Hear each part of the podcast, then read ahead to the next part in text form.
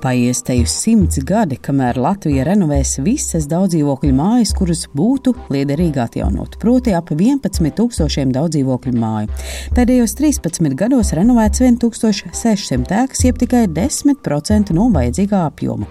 Taču šāds temps krietni atpaliek Briseles ambiciozai Eiropas zaļā kursa iniciatīvai, kura paredz, ka turpmāko 28 gadu laikā, jeb līdz 2050. gadam, bloka valstīs ir jāsasniedz tā saucamā klimata klimata neutralitāte, un tas nozīmē, ka arī dzīvojamām ēkām jābūt ar nulles emisijas patēriņu. Ekonomikas ministrijas mājokļu politikas departamenta direktora vietniece Karina Truhānauska atzīst, ka ar šādu daudzdzīvokļu namu renovācijas tempu tas pagaidām Latvijai būs grūti izpildāms mērķis.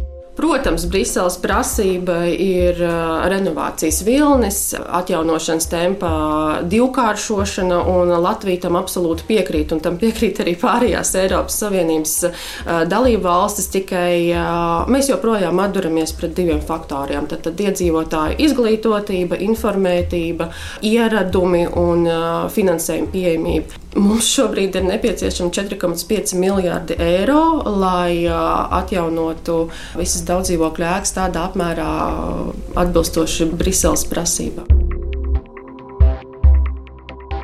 Latvijai šādu līdzekļu nav. Tomēr Eiropas prasība sasniegt 2050. gadā klimata neutralitāti minus papēžiem, bet par tālāko finansējumu skaidrība pagaidām nav.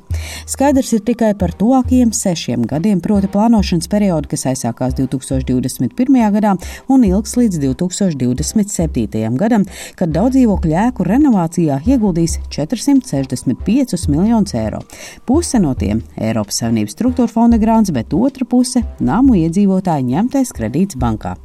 Mēs vienmēr gribētu, lai mums būtu šī skaidrība par nākotni. Kā būs, ka mums tiks nodrošināts, ka būs uh, simtprocentīgi uh, šādi vai citādi, bet es teiktu, ejam maziem soļiem un uh, tie rezultāti noteikti neizpildīs. Eiropas Savienības fondu nauda ir neatsverams atbalsts daudzdzīvokļu namu iemītniekiem, jo būtībā ēkas renovāciju var veikt ar 50% atlaidi. Proti pusi nosedz Eiropas Savienības grāns, otru pusi iedzīvotāji aizņemas bankā.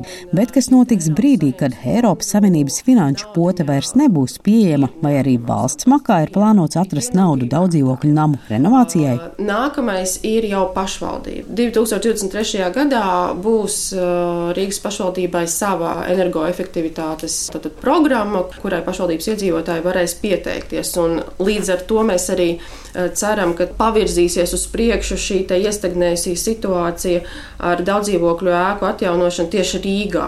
Jo 44% no visiem daudzdzīvokļiem ir, ir tieši Rīgā.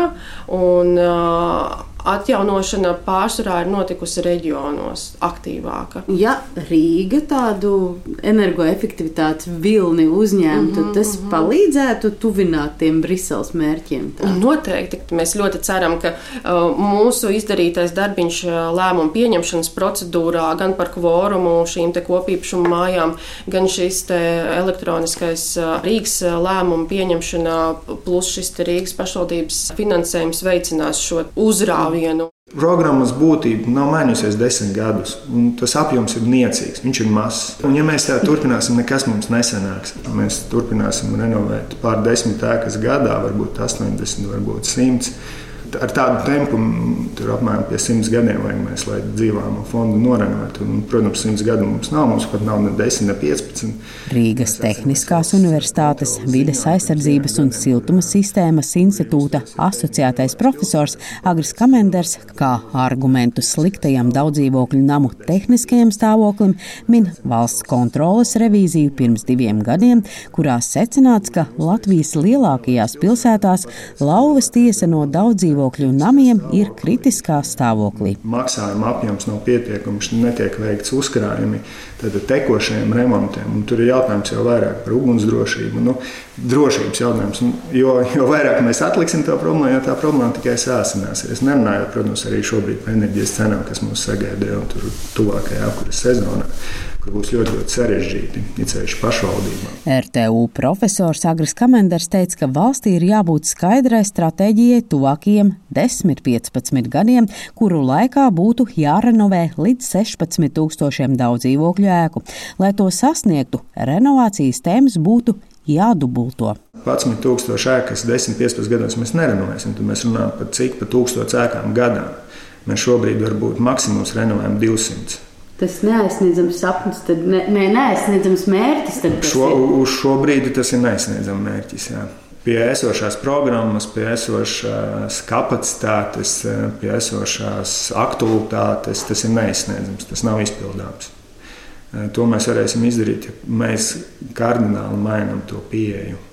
Kardināli. Rīga, kā viņi tagad arī ir apņēmušies, un redzēsim, kādi būs tie darbi. Agris Kamenders ir pārliecināts, ka viens no veidiem, kā kāpināt renovācijas tempu, ir mainīt pieeju, un no pilotprojekta līmeņa, kādā vēl aizvien norit ēku renovācija, pāriet uz masveida ēku siltināšanu un panākt, ka gadā renovē 400 līdz 600 ēkas. Tas, protams, prasa tādu industrializāciju gan no projekta vadības viedokļa, gan no projektēšanas viedokļa, gan arī būvnieku pusē, kuri rēķinās ar stabilu apjomu, viņiem ir darba spēks, viņi ar to rēķinās. Jo šobrīd arī būvniecības pusē ir problēma, ja viņi zina, ka teiksim, šogad ir un varbūt pēc diviem gadiem atkal pilnīgi ir nekas, nu, kā piemēram šobrīd. Es nezinu, kas notiks šajā Vasarā, es domāju, daudz projektu netiks realizēti. Nu, ļoti, būs ļoti maz. Būs, protams, citos sektoros, sabiedriskās ēkas un, un būvniecība. Tur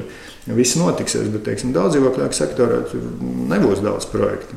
Runājot par masveida ēku siltināšanu, ekonomikas ministrijas pārstāve Karina Truhānovska atklāja, ka šajā virzienā valsts politika tuvākajos gados tiks vērsta kvartāla mēroga renovācija, tas ir nākamo gadu jautājums, kas mums arī paredzēts ēku ilgtermiņa atjaunošanas stratēģijā, ka tas būtu jāattīsta un būtu jārealizē. Ja. Cik gadu nākamo jautājums, kad mēs to varam? Tas jau tuvākie septiņi gadi, kas ir plānošanas periods, vai pēc tam vēl? Stratēģija paredz tad, tad līdz 30. gadam. Šī ideja attīstās Latvijā un uh, ir nepieciešams laiks, lai vispār saprastu, ko tas nozīmē, kādus labumus tas dod. Masveida projekts, viņam ir nepieciešami mazāk finanšu līdzekļi.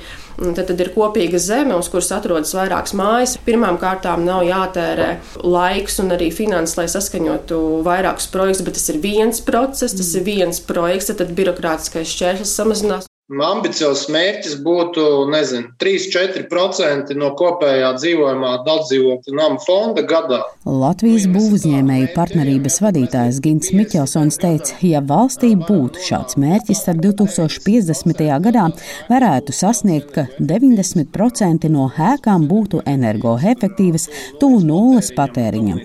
Tomēr Latvija uz mērķi iet ļoti maziem soļiem, bez lielām ambīcijām. Nu, es savā mūžā nepiedzīvoju apgalvošu, teiksim, droši vien to procentu 60 vai 70 vai 80. Šādi ejot, ja tur siltināsim un darbosimies vēl simts gadus, es domāju, ja tas ir strateģisks mērķis valstī, tomēr saprotot, ka šajā segmentā ir būtisks, teiksim, tas gan energopatēriņš, gan arī šis seg emisijas, abi divi, tad, nu, attiecīgi nofokusējoties, nu, tu vari kāpināt apjomus, tu vienmēr vari kāpināt, tā teikt, reiz divi, ja tā ir programma minimums manā izpratnē. Gins Miķelsons Reģions pauž, ka nākamais klupšanas akmens, kādai daudzdzīvokļu ēku renovācija neuzņem apgriezienus, ir finansējums, jeb precīzāk viens vienīgs naudas avots - Eiropas fondu nauda. Nu, lai kaut ko dubultot un strādāt ar lielāku jaudu, ir, protams, primārais jautājums ir tāds ilgspējīgs finansējuma modelis. Nu, šis ir tāds, mums ir nauda, darām, nav, nedaram. Nu,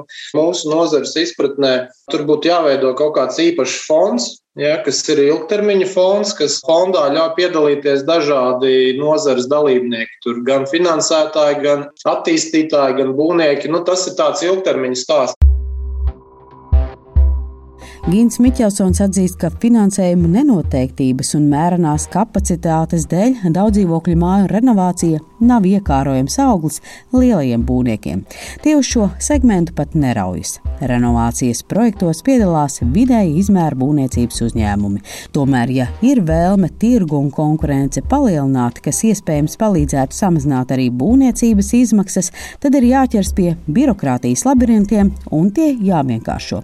Šobrīd paiet četri gadi kopš ieceres līdz projekta realizācijai. Miķelsons teica, ka šo periodu vajadzētu samazināt līdz diviem gadiem. Linda Zalāne, Latvijas radio.